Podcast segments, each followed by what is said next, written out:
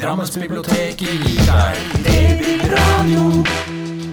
Ja, velkommen til uh, andre forelesning som gir ti studiepoeng i, i denne, denne, denne lille Nobelserien vår som uh, Jeg må innrømme det er veldig moro å få lov til å holde på med dette her. For det at uh, det er skrevet så mye flott litteratur rundt omkring i verden gjennom så mange århundrer. Og min erfaring er at det er eh, Jeg tar meg ikke tid til å lese det. For det er alltid noe annet som haster. Ja. Og det var jo en av de utgangspunktene for eh, den serien her som eh, Martin Nordli og jeg satt og drodla om. Skal vi ikke prøve å lage en, en jevnlig, en månedlig, et månedlig arrangement her på biblioteket som tar for seg noe, altså litteratur med som jeg kaller litteratur med proteiner. Altså, det er så mange ting vi kan lese som bare er liksom uh, ostepop og potetgull. i form av, ikke sant? Det er, det er karbohydrater som farer forbi. Røverhistorier og, og svære 1100 sider med det. Altså. Eventyr som selvfølgelig kan være spennende av og til, men jeg tror etter 63 år på jorda så kjenner jeg at livet byr på mer enn det hvis vi skal holde oss til å prate om bøker. Så derfor litteratur med proteiner i form av nobelprisvinnere.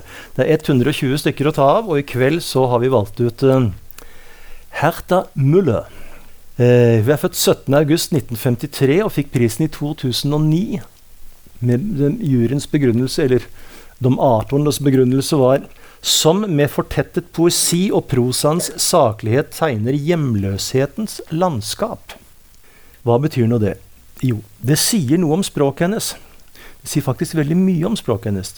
Det sier noe om tematikken hennes. Det sier faktisk veldig mye om tematikken hennes. Hun er en, en av de liksom veldig fokuserte forfatterne som ikke skriver liksom historisk roman der og, og en uh, kjærlighetshistorie der og en, en, en uh, verdensomseiling under havet der. Hun fokuserer rett og slett på de, de, erfaringene hun har, som er det å vokse opp i, som tysktalende i Romania på 1950-tallet. Uh, hun har oversatt over 50 språk. det er ikke alle som er. Jeg, kjenner, jeg, tror ikke jeg kjenner noen som er Jo, jeg, kjenner et par. Men i hvert fall uh, nordmenn. Men uh, det er veldig mye. Og det foreligger fem bøker på norsk. I 2006 kom 'Reven var alt den gang jeger'. 2007, året etter. 'Mennesket er en stor fasan i verden'. 'Hjertedyr', også flott bok. 2010. 'Pustegynge', som jeg skal komme tilbake til. I 2011, og samme år så kom 'I dag ville jeg helst ikke ha møtt meg sjøl'. Meg selv, heter det. Eh, alle er på tiden, norsk forlag. Og Herta Muller er jo Ja, det vil jeg også forresten si. Alle nordmenn sier Müller. Herta Müller. Men den tyske, den U-en der med de to tødlene, det er ikke fordi at vi skal vite at det skal uttales Y. Det skal uttales U. Tyskere kan ikke si Y. De har ikke den lyden. Kona mi er tysk. Når hun skal gå over den brua der, så sier hun Upsilon. Og altså, den, den Y-en på tysk forekommer i noen få ord. Tyske ordet for, for mobiltelefon er handy. Handy ikke sant, på norsk. Men det uttales med I. Handy. Så det er enten U, Upsilon eller handy med I. Så Herta, hun Herta har hørt, som de sier der oppe, hun skal altså uttales uh, med U. Herta Muller. Oppvokst i oppveksten hennes jeg, jeg, liker alltid å plassere forfattere i en, i en geografisk og samfunnsmessig tidsmessig kontekst. For det er, det, er, veldig få eksempler på forfattere som liksom bare skriver ut av intet. Det gjør ikke forfattere, fordi forfattere er også mennesker. Og mennesker handler ikke ut fra intet. De er forma av den tida de, de, lever i, den tida de har vokst opp i. De forholda som var i det landet, i det området som, som de tilfeldigvis blei ble planta i. Så vi skal, vi skal nå til det tyskspråklige Romania og det området som kalles Banat. Altså Banat er en historisk region i Sentral-Europa som i dag hvis du skal avgrense, så ligger en ganske stor del i Serbia, dagens Serbia. En ganske stor del i, i dagens Romania og en liten del i, i, dagens Ungarn. I det området her så bodde det, begynte det på 1800-tallet. Så kom det flyttende ganske mange eh, tysktalende, altså tyskere og østerrikere. Kom flyttende ned, ned dit. Mennesker har alltid bevega seg. ikke sant? Og dette her, det området der er intet unntak. Det kom folk dro sørover på Balkan for å finne, finne levebrød. Og eh, man regner med at eh, rundt ved, altså da krigen starta, den andre i 1940, så bodde det rundt 500 000 tysktalende i det området her som heter Banat. Og de ble kalt Donauschwabere av en eller annen grunn. Donau renner jo der. ikke sant? Donau går vel gjennom åtte-ni land. Og, men akkurat her så kaltes altså den tysktalende delen av befolkningen for Donauschwabere. Da må vi, må vi spørre videre. Hva er, hva er, en schwaber? Jo, en schwaber er en tysktalende person. En tysker som kommer fra den regionen sør i Tyskland som heter Schwaben.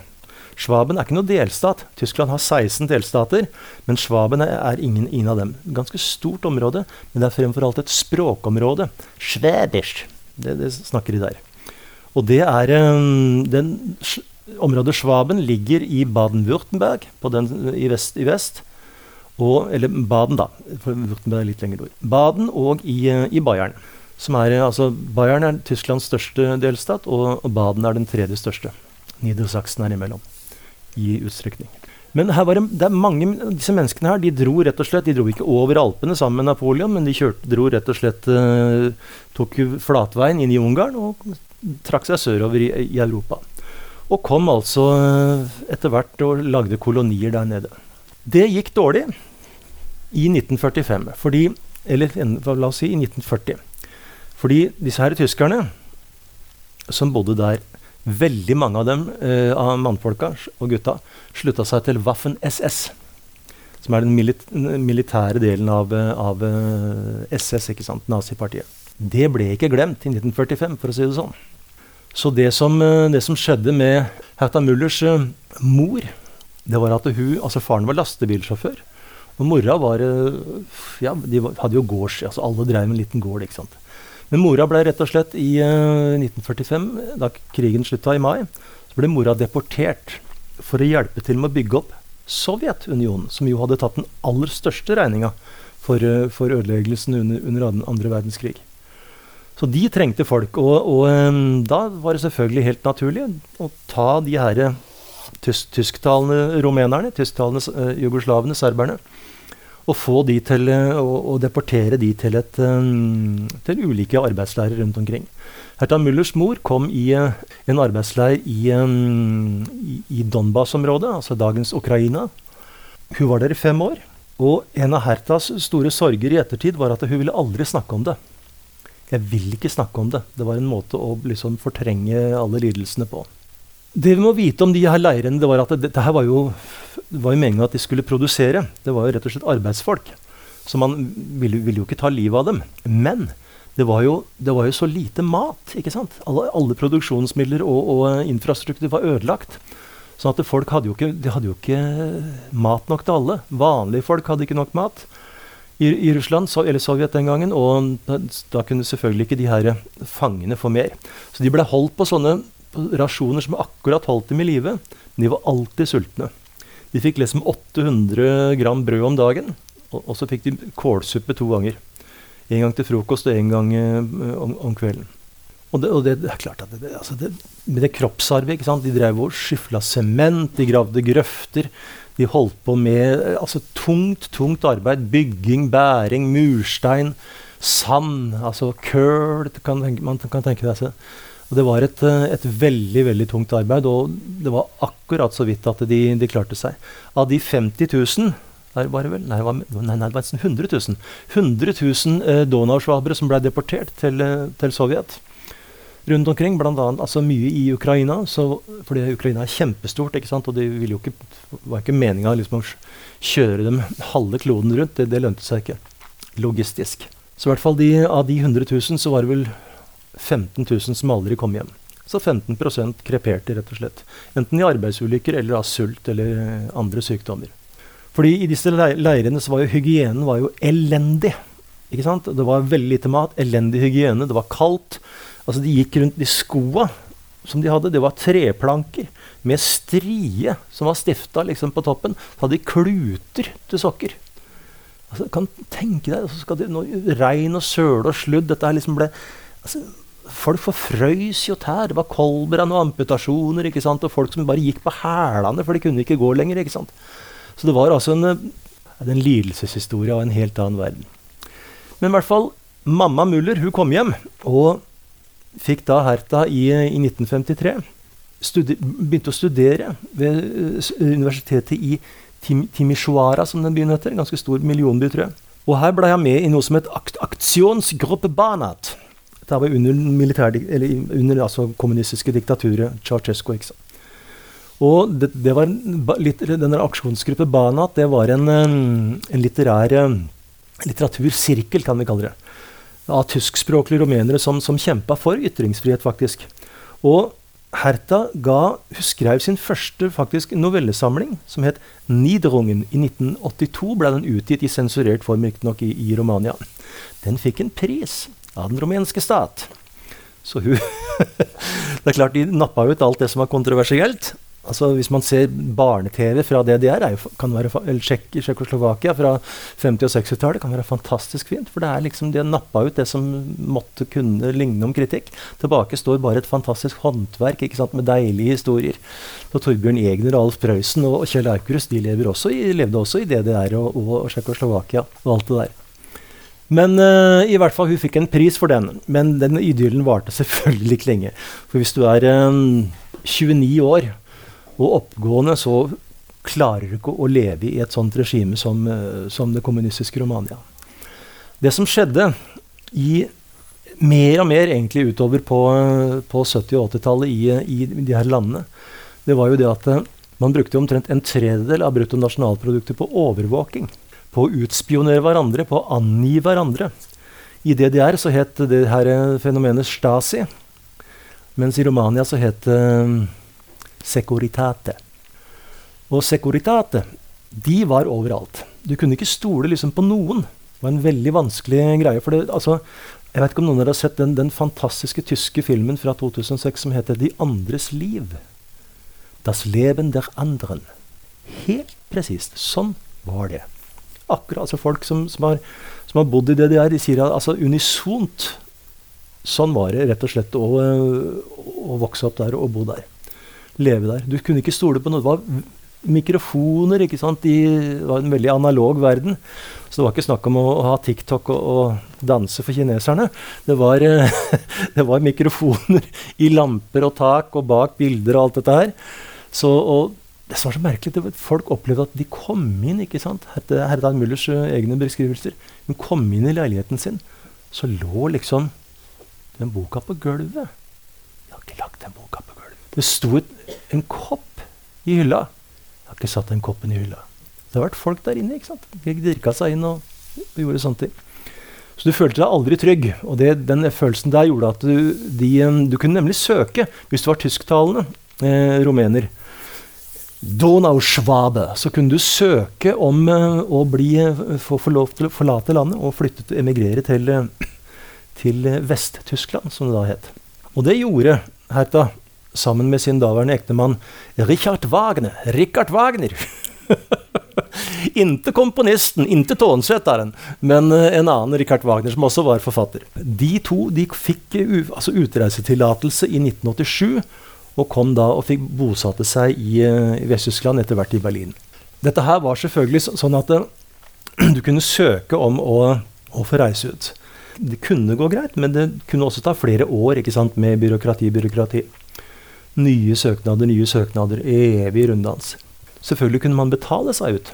Korrupsjon heter det, og er løsningen på alle verdens problemer. Samtidig som det er kvadratroten til all verdens ondskap. For du, du, får ikke løst opp samfunnsstrukturer i samfunn og land som står helt stille. Korrupsjonen hindrer egentlig Afrika, Sør-Amerika, altså Asia.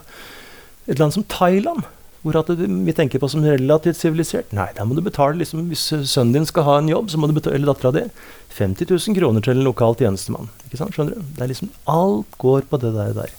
Så det, det låser samfunnsstrukturer. Men i tilfelle Romania så var det selvfølgelig også sånn at du kunne betale deg ut. Men jeg tror de var glad for å bli kvitt Herta Müller og, og, og Richard Wagner. Fordi de, altså, hun begynte å bli kjent. ikke sant? Hun ga jo ut i 1984 den boka som heter 'Drukkende tango'. Trykkende tango.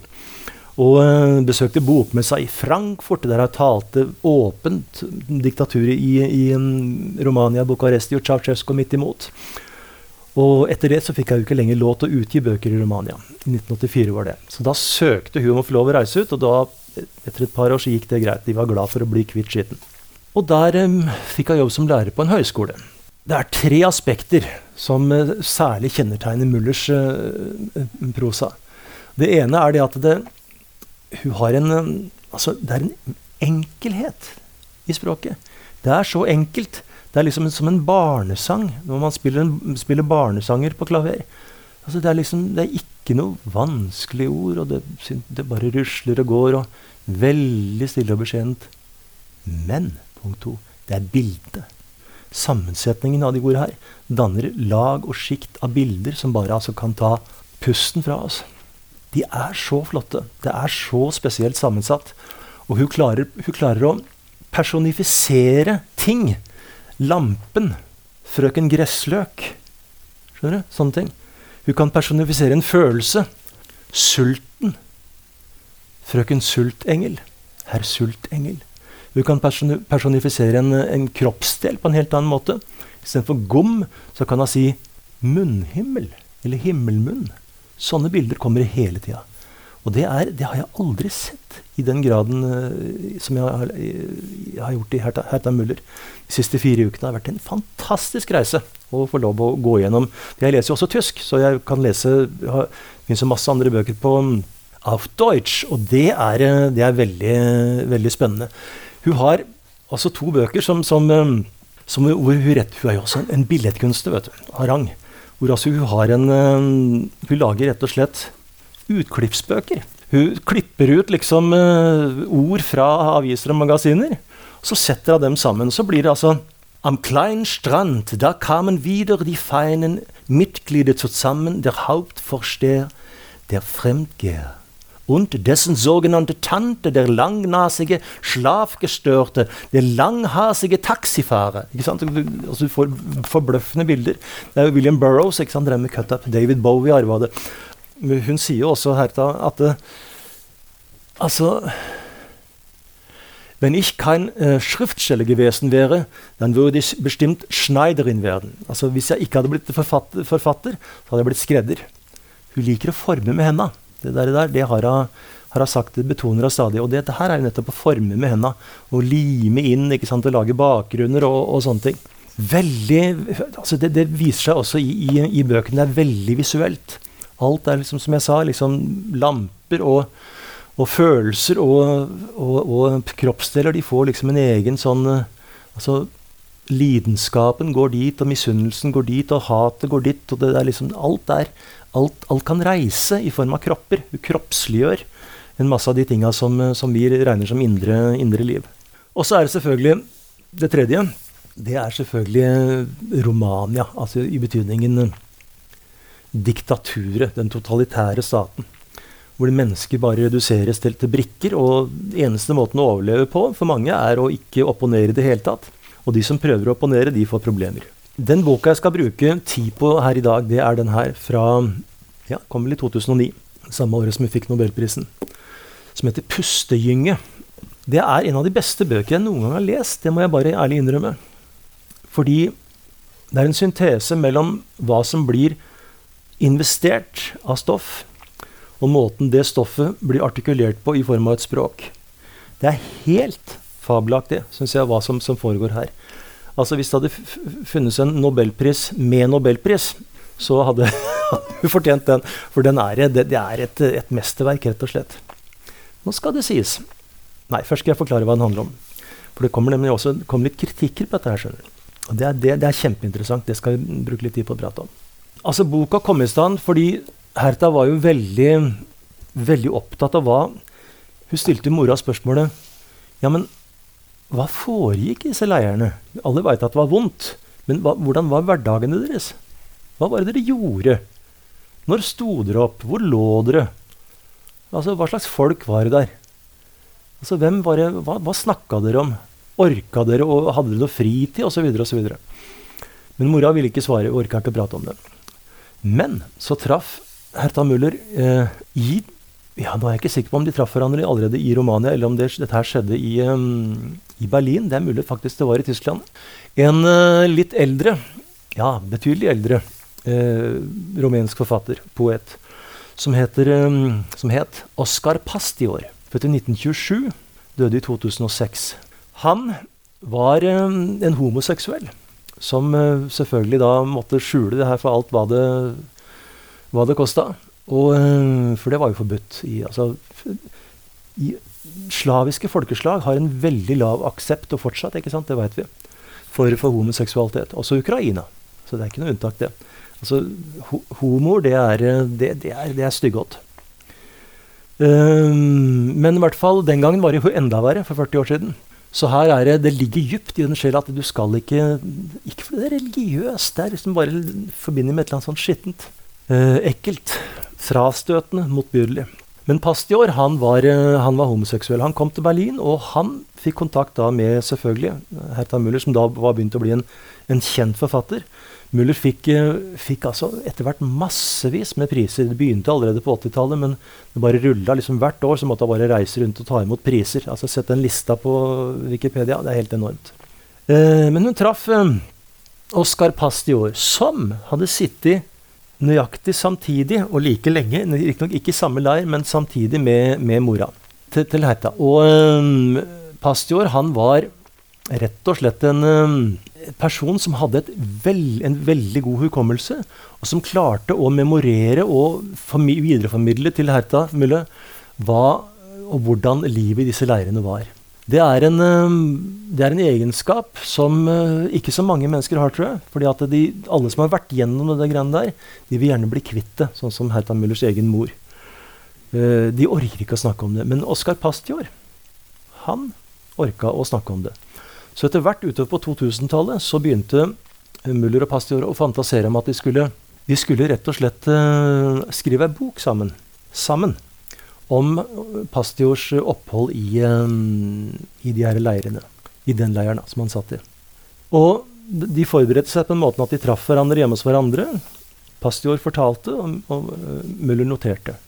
Så dør Oskar Pastior i 2006. Før de i hele tatt har begynt å skrive boka. Hardt slag for Herta Mulle. Hun følte at dette her det var liksom en, en av de aller viktigste personene hun noen gang har treffet hadde full tillit til han og virkelig trodde på alle de detaljene han fortalte. Og det, fordi, ja, det var en enorm kilde til, til, til, opplysning rett og slett om hva som hadde skjedd.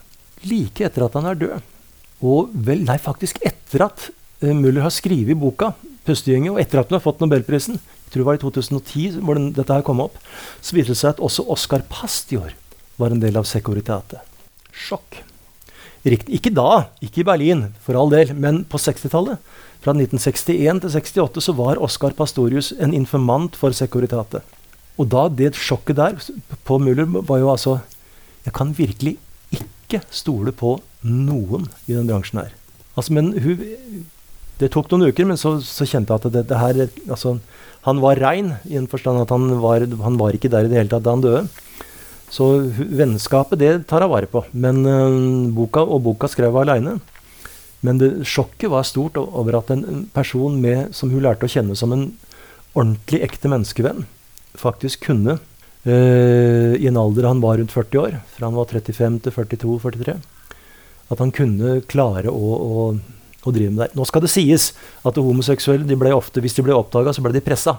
Så sannsynligvis så var det det som skjedde, at Pastior ble pressa til å, å, å være informant for, eh, for Securitate. Og jeg har også lest i ettertid at skrev, det var ikke mange rapportene bericht, altså, som han skrev. Han skrev eh, noen ting, og jeg tror nok han, eh, han forsøkte å roe det hele ganske ned. Så veldig mye tyder på at han var, han var pressa. Altså, det var så mye, mye sånt. ikke sant? Jeg har lyst til å lese et lite altså Det er masse småkapitler. Jeg, jeg telte det var en er det over 40 kapitler? Nei, det er mer. Jo, det er rundt, en, en, rundt 50 kapitler i den boka. Småkapitler. Boka har 250 sider. Men altså, her, det jeg skal lese nå, det, det er et avsnitt som, som utløste en, i ettertid en debatt om uh, hva, hva kan vi skrive og ikke skrive om uh, disse arbeidsleirene, konsentrasjonsleirene, dødsleirene uh, osv. Kapitlet heter 'Om gjøkurets fantomsmerter'. Over blikkbøtta med drikkevann rett ved siden av døra hang det en kveld om sommeren det andre året et gjøkur på veggen. Det er inni brakka, ikke sant. Uh, det var ikke mulig å finne ut hvor det kom fra. Dermed tilhørte det brakka og spikeren Dermed tilhørte det brakka og spikeren det hang på, og ingen andre. Jeg tror det var 63 mennesker i den brakka hvor uh, Pastor bodde. Men det plaget oss alle og, og, hver især. I den tomme ettermiddagen hørte tikkingen etter om han kom. Hørte tikkingen etter om han kom, ikke sant? Der har den personifiseringen. Tikking blir din person. Gikk eller lå i senga si og sov. Eller bare lå der. Innadvendt eller ventende fordi man var for sulten til å få sove og for svak til å stå opp. Men etter ventingen kom det ingenting, bortsett fra tikkingen i drøvelen, som var forsterka til det dobbelte av tikkingen fra klokken. Hva skulle vi med et gjøkur her? For å måle tiden trengte vi det ikke. Vi hadde ikke noe å måle. Gjennom høyttaleren på gårdsplassen ble vi vekket av hymnen om morgenen. Og om kvelden sendte den oss til sengs. Hver gang de hadde bruk for oss, henta de oss på gården. I kantina. I søvnen. Fabrikksirenene var også en klokke, i likhet med den hvite kjøletårnskyen og de små bjellene på koksovnene. Formodentlig hadde trommeslageren, Kovac Anton, en medfange, kommet trekkende med gjøkuret. Selv om han sverget på at han ikke hadde noe med det å gjøre, trakk han det opp hver dag. Ettersom det henger der, skal det også gå, sa han. Det var et helt normalt gjøkur. Men gjøken, gjøken var ikke normal. Den kom ut kvart på og forkynt, forkynte halvtimer. Kvart over forsynte den heltimer. På hel glemte den alt sammen eller ropte ut feil timer. Fordoblet klokketiden eller halverte den. Altså, hør på Det er enkle, banale bilder, men gud hjelpe! Altså, det går rett inn i hjerterota. Kovac Anton påsto at gjøken gol riktig i forhold til hva klokken var andre steder i verden. Kovac Anton var forgapt i hele klokken. I gjøken. I de to tunge jernkongleloddene. Har dere sett gjøken med sånne konglelodd? ikke sant? Eh, og i den kjappe pendelen. Helst ville han ha latt gjøken få kunngjøre de andre verdensdelene sine hele natta. Men alle andre i brakka ville verken ligge våkne eller sove i gjøkens verdensdeler. Kovac Anton var, var, dreier på fabrikken, og i leirorkesteret spilte han slagverk og trommer til den plisserte Paloma-dansen. De hadde dans, vet du. De dansa av og til på lørdagskveldene. Altså, må ikke tro at dette her var en sånn uh, helt Bergen-Belsen. De fikk mat, og de hadde underholdning. De, kunne danse. De ble kjærester med hverandre. ikke sant? De hadde sex bak forheng, osv. Instrumentene hadde han laget ved dreiebenken på låsverkstedet. Han var en grubler som alltid ville få til van de vanskeligste ting. Han ville regulere gjøken etter russisk dag- og nattdisiplin, vendt mot verden som den var. Ved å stramme inn stemmespaltene i gjøkmekanismen ville han bygge både en kort, dump og en oktav dypere nattstemme og en lengre lys dagsang inni gjøken. Men før han fikk tatt hånd om gjøkens vaner, hadde noen revet den ut av uret. Den lille gjøkdøren hang skeivt på hengslene. Når urverket ville anspore fuglen til å synge, gikk riktignok den vesle døren halvveis opp, men i stedet for gjøken kom en liten gummibit ut av huset som en meitmark. Åh, gummibiten vibrerte, og man kunne høre en jamrende rasling som ligna hoste, kremting, snorking, fjerting eller søkking i søvne. Slik beskyttet gummimarken natteroen vår. Kovac Anton var akkurat like begeistra for meitemarken som for gjøken. Han var ikke bare en grubler, han led også av at han ikke hadde noen swingpartner i leirorkesteret, slik han tidligere hadde hatt i storbandet sitt i Karanabesh. Når høyttalerhymnen drev oss inn i, i, i, brakken om kvelden, stilte Kovac Anton gummibiten om til nattrasling med en bøyd ståltråd. Hver gang ble han stående en stund ved klokken mens han så på ansiktet sitt i vannbøtten og ventet på den første raslingen som om han var hypnotisert. Når den lille døren åpnet seg, gjorde han seg litt pukkelrygga, og det venstre øyet, som var litt mindre enn det høyre, funkla kort og godt. En gang sa han etter raslingen mer til seg selv enn til meg. Hei sann, Marken har arvet bra fantomsmerter etter gjøken. Jeg likte klokken. Så jeg-fortelleren er da Pastorius Nei, Pastorius? Uh, Pastior. Pastorius. Uh, den forrykte gjøken likte jeg ikke. Ikke marken og ikke den kjappe pendelen. Jeg likte imidlertid de to lodne grankonglene. De var av dorskt, tungt jern. og likevel så jeg for meg granskogene på fjellet hjemme. Høyt over hodet mitt er de grønnsvarte nålekappene, tett i tett. Under et stammens, stammenes strengt innrettede trebein, så langt øyet rekker. De står når du står, går når du går, og løper når du løper. Bare helt annerledes enn du, som en hær. Når hjertet ditt gir seg til å hamre helt opp i halsen din av frykt, kjenner du den glitrende nålepelsen under føttene, den klare roen med grankongler strødd utover. Og du bøyer deg, griper tak i to stykker og stikker den ene i bukselomma. Den andre beholder du i hånda, og dermed er du ikke aleine mer. Den får deg til å forstå at hæren bare er en skog, og at fortaptheten i den bare er en spasertur. Far gjorde seg mye strev med å lære meg å plystre, og hvordan man kan tolke retningen ut fra ekkoet når noen har gått seg vill i skogen og plystrer, og hvordan man finner vedkommende ved å plystre tilbake. Jeg forsto nytten ved å plystre, men ikke hvordan man blåser lufta spisst ut av munnen. Jeg gjorde feil og trakk lufta inn, slik at brystet blåste seg opp istedenfor at tonen blåste over leppene. Jeg lærte aldri å plystre. Hver gang han viste meg hvordan man plystrer, tenkte jeg bare på det jeg så, at leppene på menn skinner som rosa kvarts på innsiden. Han sa at jeg snart skulle få se at den kunne være nyttig. Plystringen, mente han. Men jeg tenkte på leppenes glasshud. Egentlig tilhørte gjøkuret sult engelen. Her i leiren var det overhodet ikke snakk om tida vår, bare om spørsmålet gjøk, hvor lenge har jeg igjen å leve? Ja, det er magisk. Men hva skal vi gjøre? Hva skal vi gjøre? Dette er interessant. Hun fikk kritikk etter utgivelsen av en pustegynge, som da altså heter Atem Atemscheukel på, på tysk. Det kan jeg også forklare. Altså, den, I norsk så har vi et uttrykk for gynge som gyngestol. Men vi har også et uttrykk for uh, huske som barnehusker. På tysk så de, bruker de ordet schaukel om, uh, om begge, begge deler. Uh, sånn at det, oversetteren her har Jeg kjenner ikke oversetteren, men han, hun, har, han, hun det er Kjell, Kjell Olof Jensen har tydeligvis hatt et han, Eller han må ha hatt et dilemma. Skal jeg si pustehuske?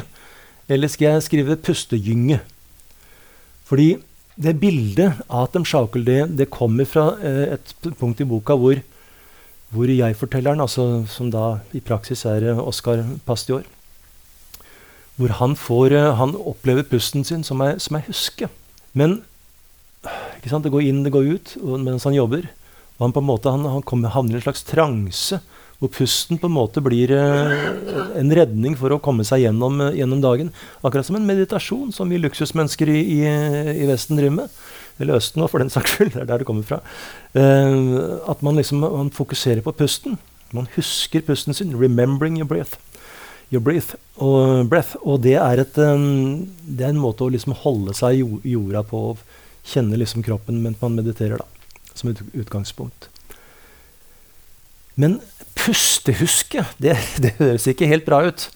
Selv om det kanskje har eh, vært mer riktig tittel på norsk, så blir pustegynge det er et mye finere ord. Pustehuske, det har liksom da tenker vi skal jeg huske pusten min, hva vi, vi driver med her. Og så er det øsk, øsk, øsk. Den der esketeskete, den, eh, den lyden er ikke så god å lese. Så i hvert fall. Der, det er bakgrunnen for, uh, for tittelen. Kritikk. Hvordan sa kritikerne. Hvordan kan vi egentlig snakke om og skrive om forholdene i disse her eh, arbeidsleirene? Kan vi, kan vi poetisere det her og liksom lage vakre ting ut av det? For det er jo det hun gjør, egentlig. Selv om det er dødsens alvor der. så er det også, altså Man ser skjønnheten liksom i de der enkle detaljene som, som leiren uh, inneholdt. Herta Muller svarer at jo, men hvis vi ikke gjør det, så kan vi avslutte. Da trenger vi ikke si noe om de leirene, for alle veit at det var jævlig. Alle veit at de som var der, fikk traumer. Alle veit at de fikk lite mat, at de ble behandla jævlig dårlig, og at, de, at mange av dem døde. Så hadde vi vært ferdig med den saken. Jeg tror at Mullers strategi er helt riktig.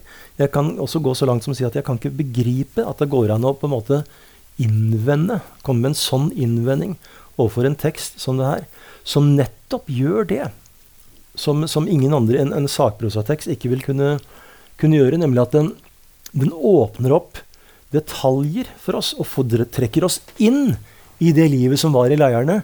Sånn at vi skjønner djupere sett hva som foregår.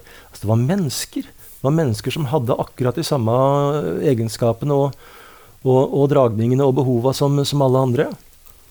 Og de hadde et liv. Og når vi beskriver den derre Eller han, da, som har fortalt det til eh, Pastior, som har fortalt det til Muller. Når de beskriver den vekkerklokka med den meitmarken? Altså, Det er jo fantastisk, og, mener jeg, å betrakte jeg, jeg kjenner liksom leirlivet på en helt annen måte. Jeg i hvert fall som leser blir trukket inn i hva som foregikk i de der redselskabinettene der. For det var ikke bare redsler. Altså, de levde jo der. De hadde ikke, det var ikke altså, De fikk jo lov å De kunne jo forlate leiren. En liten sånn, Men de måtte bare være tilbake ikke sant, på, innen Såse klokkeslett. Var det ikke det, så var det regna som fluktforsøk, og da var det fangehull. Det var ikke behagelig. Men det er en, det er en måte å altså, Og debatten raser fortsatt. altså hvor, I hvilken grad kan vi skrive om det grusomme? Jeg husker jeg var på 22.07.2012, året etter Utøya, på dagen. Så satt jeg og en forfatterkollega og kjørte bil fra Gildeskål opp til Bodø i Nordland. Og hørte på direktesendinger og med ja, folk som hadde vært på Utøya. Bl.a. han eh, Eskil Pedersen, heter han vel. Lederen for AUF den gangen. Dette var mennesker som, unge mennesker som hadde vært med på de redslene på Utøya. Men det som slo oss, det var at de, de hadde ikke noe språk til å fortelle det med. De, hadde, de klarte ikke å, å, formulere noe. De sa bare at det, ja, liksom de satt og, og nøla og stotra. Som selvfølgelig ingen kan klandre dem. Ingen forlanger at de skal være litterater som disker opp med store utlegninger. Men altså, de, de, som, selv om de som har vært med på det, er ikke sikkert, det er ikke sikkert at de er de, de beste i stand til altså, Det er ikke sikkert at de er de beste til å, å fortelle om det. Det er ofte det at det trengs en, en mellommann her, et mellomledd. Og det mellomleddet føler jeg at, at Hertha Müller er. Hun er et, et Eh, medium for Oskar Pastior, som kan fortelle hvordan, eh, hvordan de hadde de der detaljene som ingen historiker vil finne på å nevne i ei lærebok. Gjøker, meitmark, herregud. Altså, De tinga der de, de, kommer fram i en sånn, sånn, tekst som det her. Så er det også det med å ha eierskap til ting. Det er, det er veldig viktig. Jeg husker i 2002 så var jeg på en øh, det var en blir det, Eh, på en, et arrangement oppe i, altså på Voksenkollen hotell. Var en fruktimportør i Oslo som hadde, skulle ha et arrangement med en sånn turistbusiness uh, fra Magadan. Helt, altså fullstendig borte i, uh, i, i øst, i, um, i, Russland, ikke sant? ved toppen av, av det okotske hav. Jelena Welbe, lang langrennsdronningen til Putin, er derfra. Som vant fem gull eller hva det var på, på i Trondheim i 1997. Som en ung og slank og hyggelig dame. Fikk raggsokker og selvbevotter i gave fra bestemødre som strikka til henne. Hun ble så populær.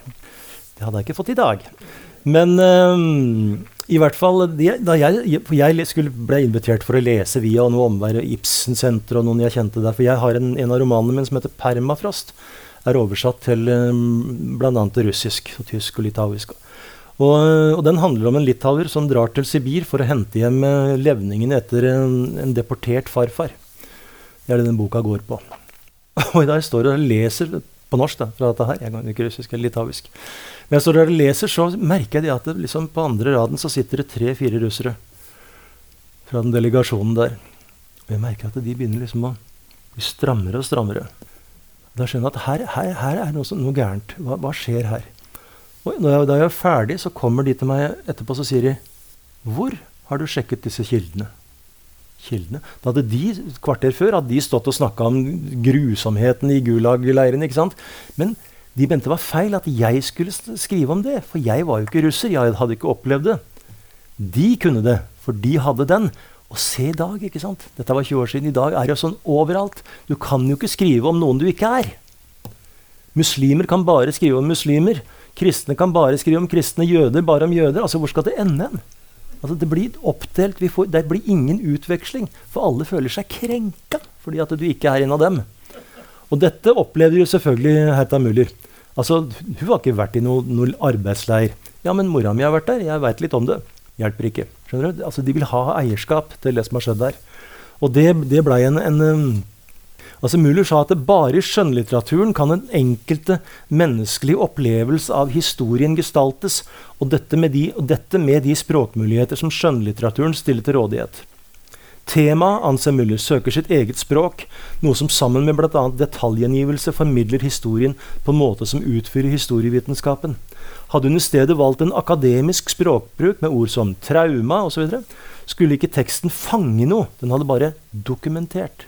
Det å dokumentere, det er der. Det er, er todimensjonalt. Det å fange noe og vise noe, det er tredimensjonalt. Da blir det levende. Det er akkurat som en tekst som leses i en bok i forhold til en tekst som framføres fra scene. Du, du får en ny dimensjon. Så det der, det, er, um, det er en veldig, veldig viktig ting. Og det blir bare verre og verre. Nå skal jeg lese en, en, en veldig vakker og trist uh, historie, det er etterpå, om ei dame som heter Katarina Seide, som ble kalt for Vaktpost-Kati. Vaktpost-Kati var fra Bana Banate, fra Bakova eller Bakova. Enten hadde noen fra landsbyen hennes kjøpt seg fri fra lista, og så tok en kjeltring henne som erstatning. Eller kjeltringen var sadist, og hun sto på lista helt fra starten av. Hun var født åndssvak, og i løpet av de fem årene oppfattet hun ikke hvor hun var. Hun var en korpulent kvinne i det små, mens hun fremdeles var halvveis barn. Vokste hun ikke mer i høyden, bare i bredden. Hun hadde en lang, brun flette og en krans av krøller rundt panna og i nakken. I den første tida gredde kvinnene henne hver dag. Og da luseplagen begynte det var enormt med luse, gjorde de det annenhver dag. Vaktpostkatti kunne ikke brukes til noen form for arbeid. Hun forsto ikke hva en retningslinje, en ordre eller en straff var. Hun fikk skiftet til å utarte til kaos. For å finne noe å beskjeftige henne med oppfant man vaktposttjenesten for henne den andre vinteren. Hun skulle holde vakt i brakkene om natta nå og da. En stund kom hun inn i brakka vår, satte seg ved det lille bordet, slo armene sammen, kneip øya igjen og så inn i det sviende vaktlyset fra lyspæren. Stolen var for høy, hun nådde ikke ned til gulvet med føttene. Når hun begynte å kjede seg, holdt hun seg fast i bordkanten med hendene og filte fram og tilbake med stolen. Hun holdt det ut i en knapp time, så gikk hun over i en annen brakke. Om sommeren kom hun bare til brakka vår og ble der hele natta, fordi hun likte gjøkur. Hun kunne ikke klokka. Hun satte seg under vaktlyset, slo armene sammen og ventet på at gummimarken skulle komme ut gjennom den vesle døra. Når den raslet, åpnet hun munnen som om hun ville være med på skramlingen men hun holdt seg taus. Når gummimarken dukket fram for andre gang, hadde hun allerede sovnet med ansiktet på den lille bordplata. Før hun sovnet, tok hun fletta fra ryggen, la den på bordet og holdt den i hånda hele natta mens hun sov. Kanskje hun ikke var så aleine på den måten. Kanskje hun var redd i skauen av de 68 Redd i skogen av de 68 mannssengene. Kanskje fletten var til hjelp, slik grankonglene hjalp meg i skogen. Eller hun ville bare ha fletta i hånda for å være sikker på at ingen kunne stjele den fra henne. Fletta blei ble stjålet fra henne, men ikke av oss. Som straff for at hun sovnet, tok Tur Prikolic, på, det var en, en sånn leirarbeider, han tok vaktpostkari med seg til sy sykebraka. Den kvinnelige feltskjæren måtte snauklippe henne. Den kvelden kom vaktpostkati i kantina med den avklipte fletta rundt halsen og la den på bordet som en slange. Hun dyppa den øverste delen av fletta i suppa og holdt den mot det snauklipte hodet for at den skulle vokse fast igjen. Hun ga altså den nederste enden av fletta noe å spise, og så gråt hun. Heidrun Gast tok fra henne fletta og sa at det var best om hun glemte den. Etter maten kastet hun fletta på et av de små bålene på gårdsplassen, og Vaktpostkatet så på uten et ord mens den brant opp. Også som snauklippet likte Vaktpostkatet gjøkuret, også som snauklippet sovnet hun etter gummimarkens første rasling og holdt hånda krumma som om hun hadde fletta i den. Også da håret vokste ut igjen, sovna hun og holdt uh, hånda krumma, selv om håret fremdeles bare var fingerlangt. I månedsvis sovna vaktpost-Kati helt til hun ble snauklippet på nytt, og håret vokste så sparsommelig ut igjen at man så flere lusebitt enn hår.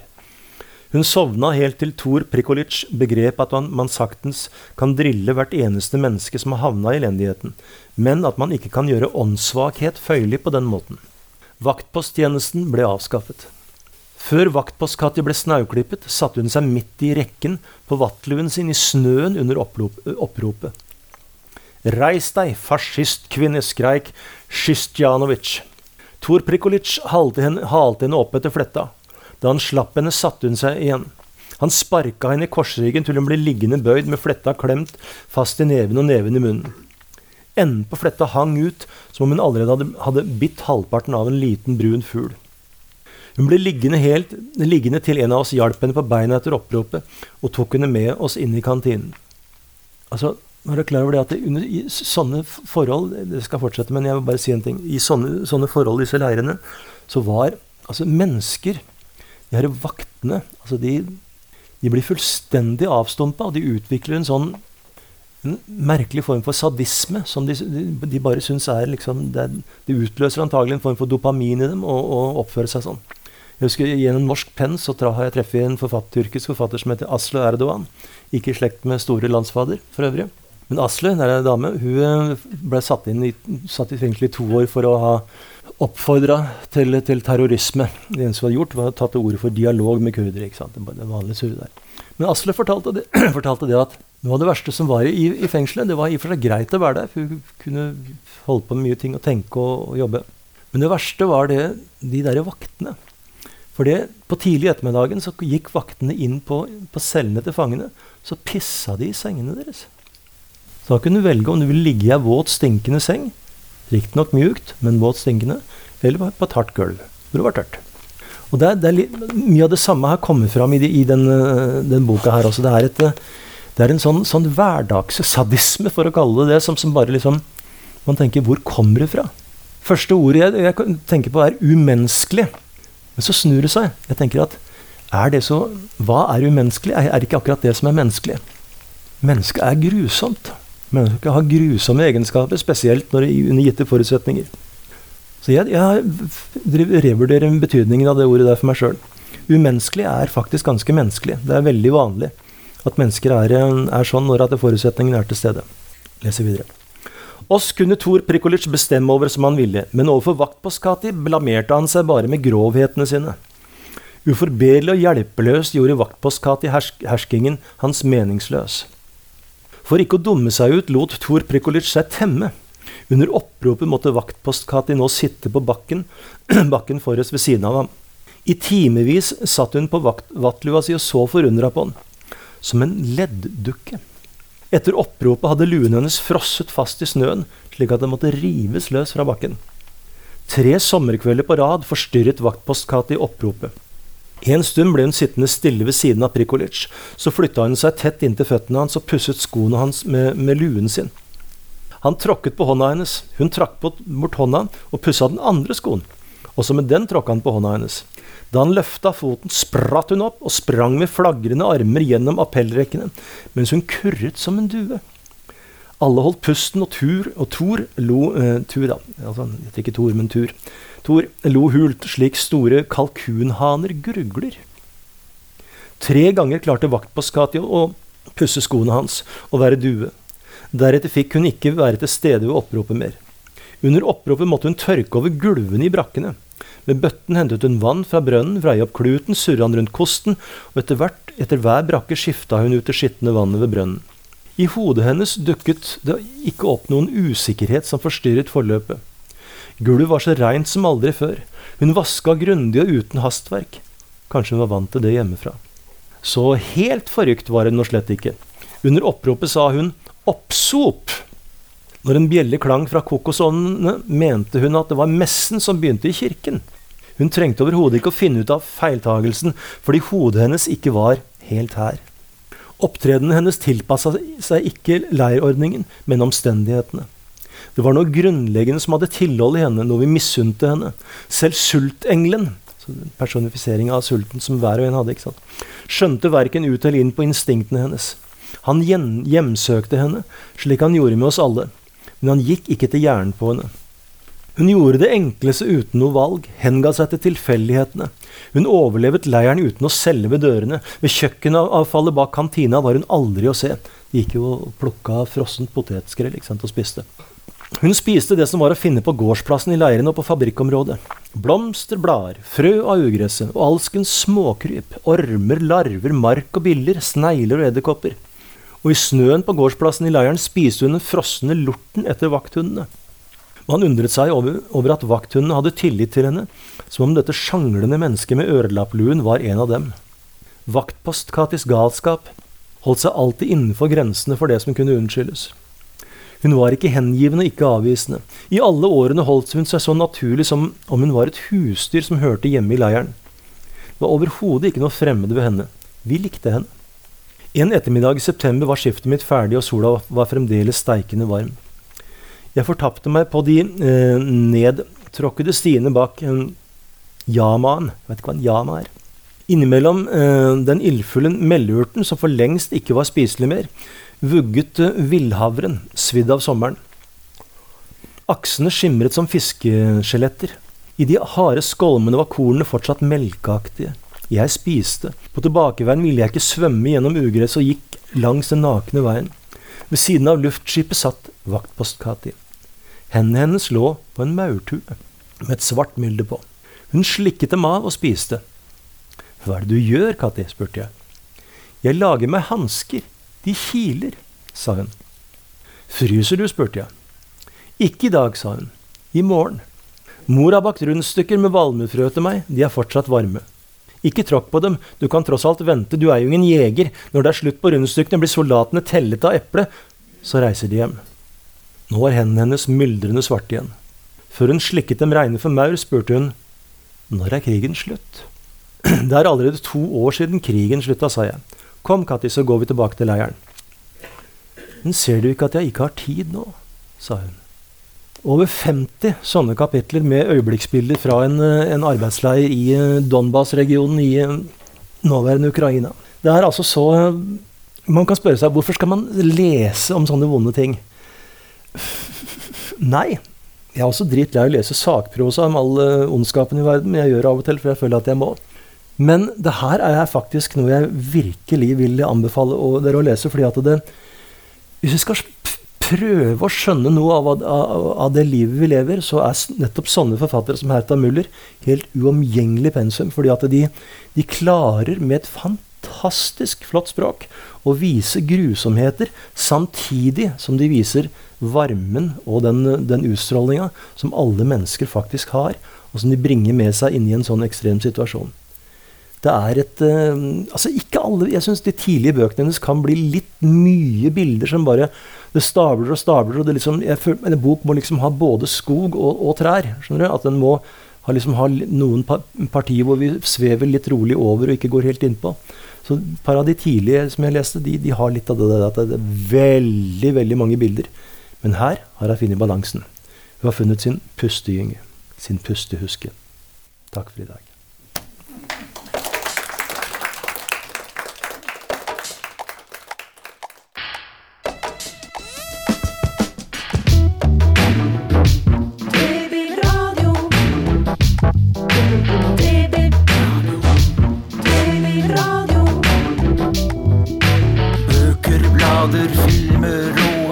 Aviser.